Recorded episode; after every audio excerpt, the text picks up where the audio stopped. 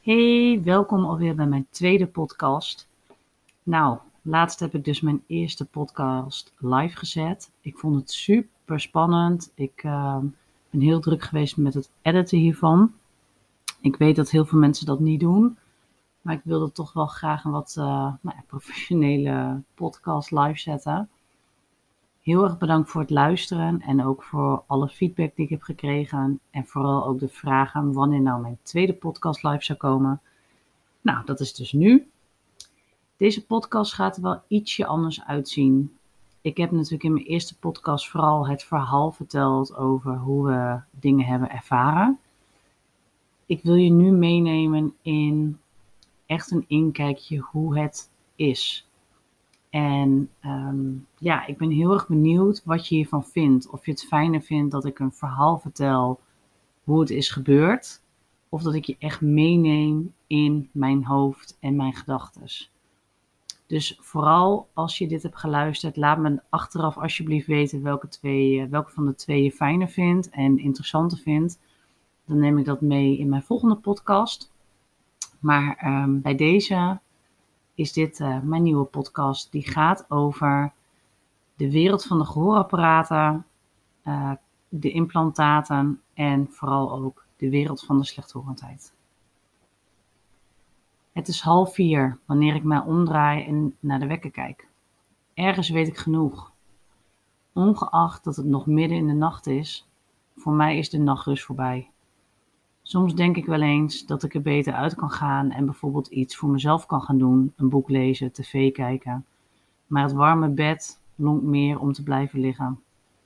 Ik draai me om en kijk naar de twee gezichten naast mij. Aaron was vannacht wederom weer overstuur. We denken dat hij nachtmerries heeft. De strijd om hem dan weer in zijn eigen bed te leggen, dat, die hebben we al lang opgegeven. Dus ligt hij, ligt hij in die kleine uurtjes ochtends bij ons. En hoe heerlijk ik dat kleine, warme lichaampje ook vind, dicht tegen mij aan. Slapen doe ik helaas niet meer. Met een brak gevoel sta ik op. Ik ben onrustig, ervaar spanning in mijn lichaam. Direct na de eerste slok koffie ben ik misselijk. Normaal heb ik ochtends gelijk eten nodig, maar nu stel ik het uit, want ik heb absoluut geen eetlust. Vandaag is de grote dag aangebroken terwijl het eigenlijk alleen maar bestaat uit onderzoek en informatie. En toch, ongeacht dat er vandaag niks gaat gebeuren, ervaar ik enorm veel spanning in mijn lijf. Ik heb zorgen om dat kleine mannetje. Eigenlijk hadden we helemaal niet meer verwacht dat deze onderzoeken op korte termijn zouden plaatsvinden. We weten dat Aaron ernstig slechthorend is, dicht tegen doofheid aan. Toen wij een half jaar geleden van de audioloog te horen kregen dat het gehoor van Aaron ernstig achteruit was gegaan en hij over moest op een zwaarder hoortoestel, vroeg ik aan de audioloog: En wat als dit niet toereikend genoeg is? Ik, weet het antwoord ik wist het antwoord natuurlijk al, maar ik wilde het van hem horen. Het antwoord wat ik kreeg was dan ook niet zeggend. Daar hoeft u zich echt geen zorgen over te maken, want daar denken we voorlopig nog niet aan.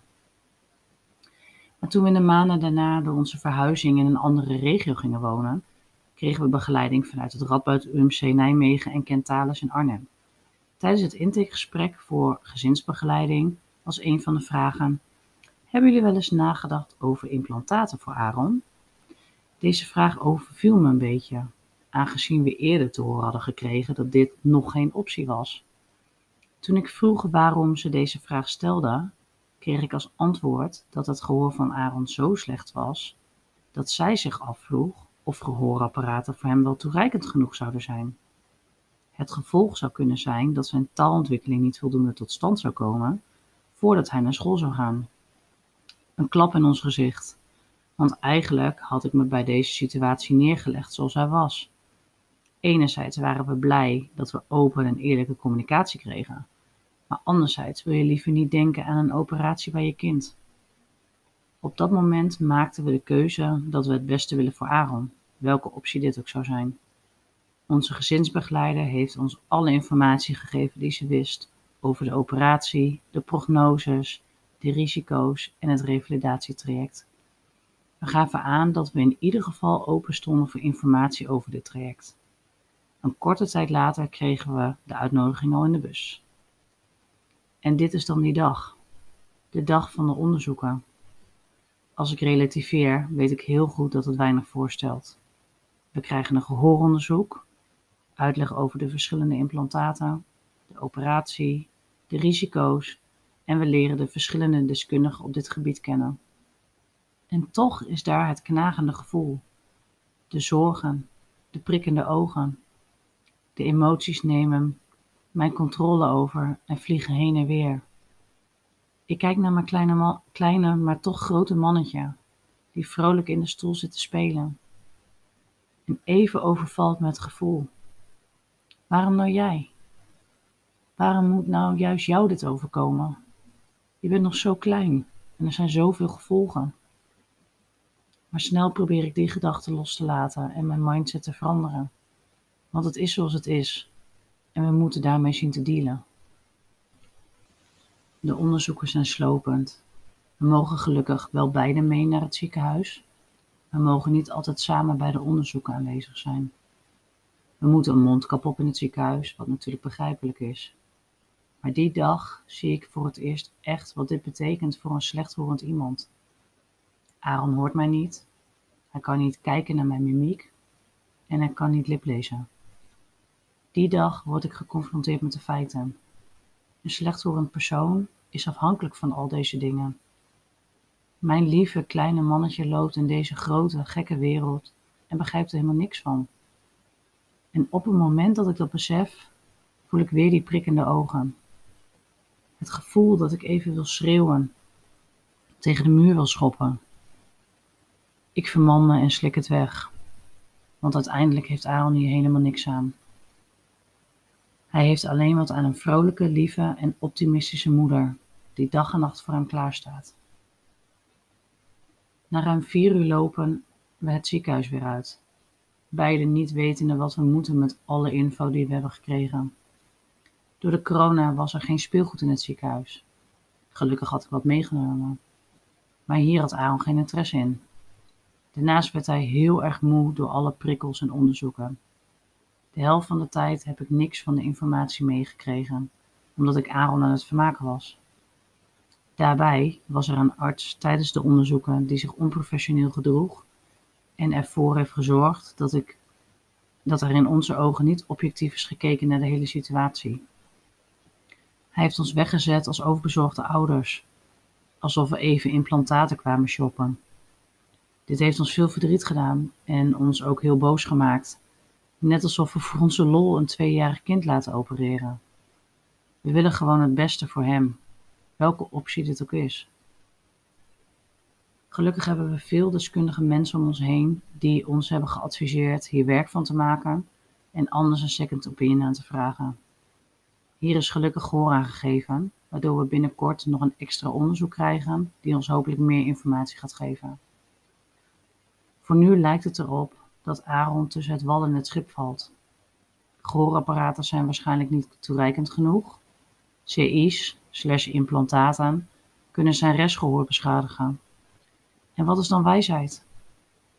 Daar heeft iedereen weer een andere mening over. Ons vertrouwen is wel wat beschadigd door de ervaring die we hebben. Maar we hebben wel besloten dat we afgaan op de uitslag van dit onderzoek. Als er dan uitkomt dat de beste optie gehoorapparaten is, dan staan we daarachter. Mocht er uitkomen dat CI's plaatsen de beste optie is, dan volgen we dat advies op. Alles om dat lieve kleine mannetje de mooiste kans op horen te geven. Want hoe meer ik erover nadenk, hoe meer ik besef hoe belangrijk je gehoor is. Alle mooie geluiden van bijvoorbeeld de vogels, de wind en de natuur. Ik heb er echt alles voor over om hem die geluiden te laten horen.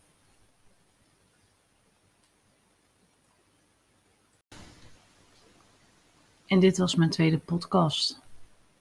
Ik moet zeggen dat dit mij meer doet dan mijn eerste podcast. Terwijl ik dat meer hè, zo uit mijn hand schudde en dit al van tevoren had bedacht. Maar ik merk dat er gewoon heel veel emoties bij zitten. Omdat het misschien wel nu speelt. Het is vers. We zitten midden in deze situatie en in dit traject. Volgende week maandag hebben we dit vervolgonderzoek waar ik het in mijn podcast over heb. En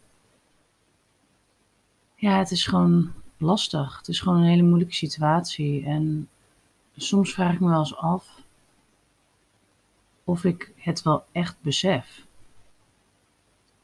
Ik kijk volgens mij heel vaak vanuit een helikopterview naar de situatie en denk dan ja, ja, het hoort bij ons leven en ja, wat, wat moeten we anders? En daarbij, kijk, ik weet ook niet hoe het is om een kind te hebben zonder deze beperking. Maar toch vraag ik me wel eens af, wanneer komt nou echt die, die boomerang? Wanneer komt het terug? Wanneer, wanneer ga ik echt beseffen waar we in zitten? Is dat wanneer ze zelf bewust merken dat ze niet goed horen? Is dat wanneer ze niet goed meekomen in deze maatschappij?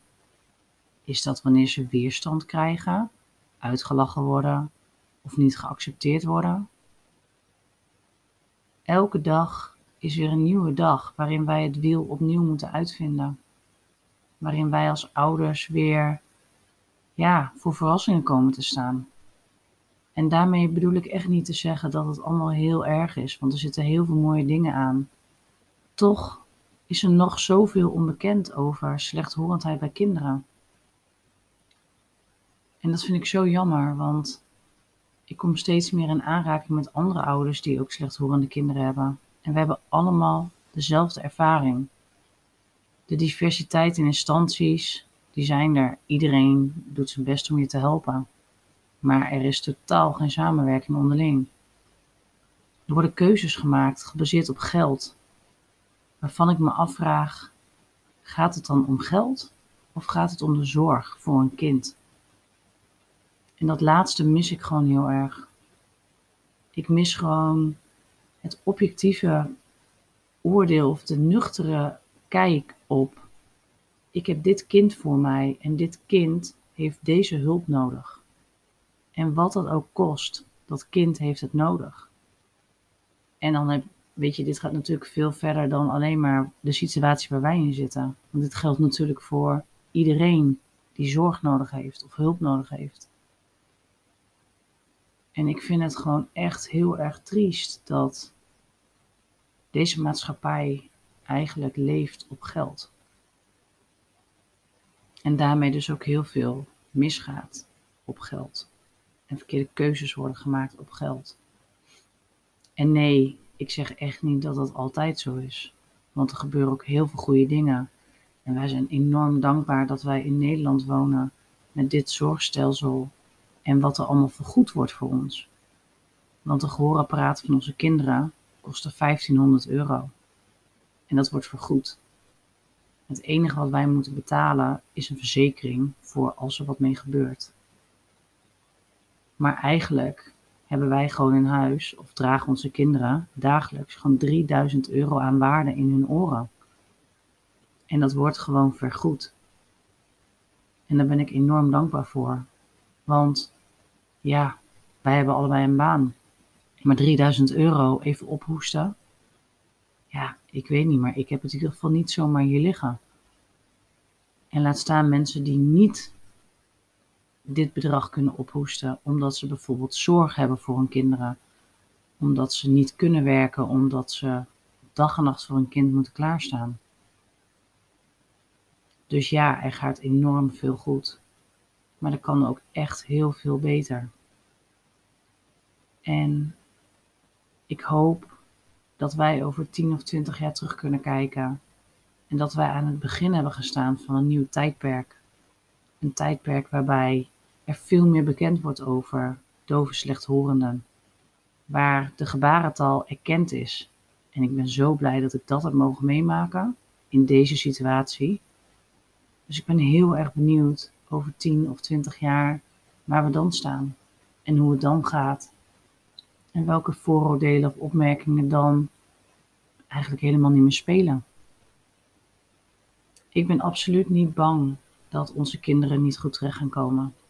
Want ik ben ervan overtuigd dat dit goed gaat komen. Wij staan dag en nacht voor hun klaar. En wat zij ook nodig hebben, wij zorgen ervoor dat zij dat krijgen. En als dat betekent dat ik elke dag moet schoppen tegen instanties, voor mijn kind moet opkomen of moet vechten om te krijgen wat zij verdienen, dan doe ik dat.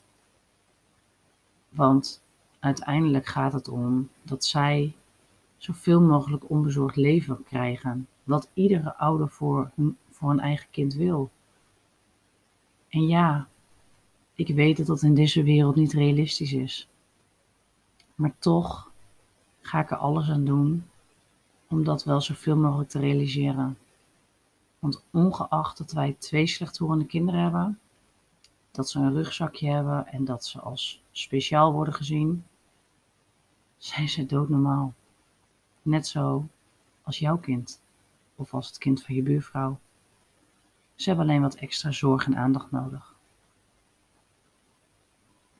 Bedankt voor het luisteren. En ik hoop, ondanks dit verhaal, dat ik je toch weer heb mogen inspireren of aan het denken heb kunnen zetten. En ik zou het heel erg fijn vinden als je op mijn Instagram onder mijn post van deze podcast een reactie wil achterlaten. En alle feedback is welkom. Maar ook als je denkt: hey, dit onderwerp zou ik heel graag willen horen, laat het me weten. Dankjewel voor het luisteren en tot de volgende keer.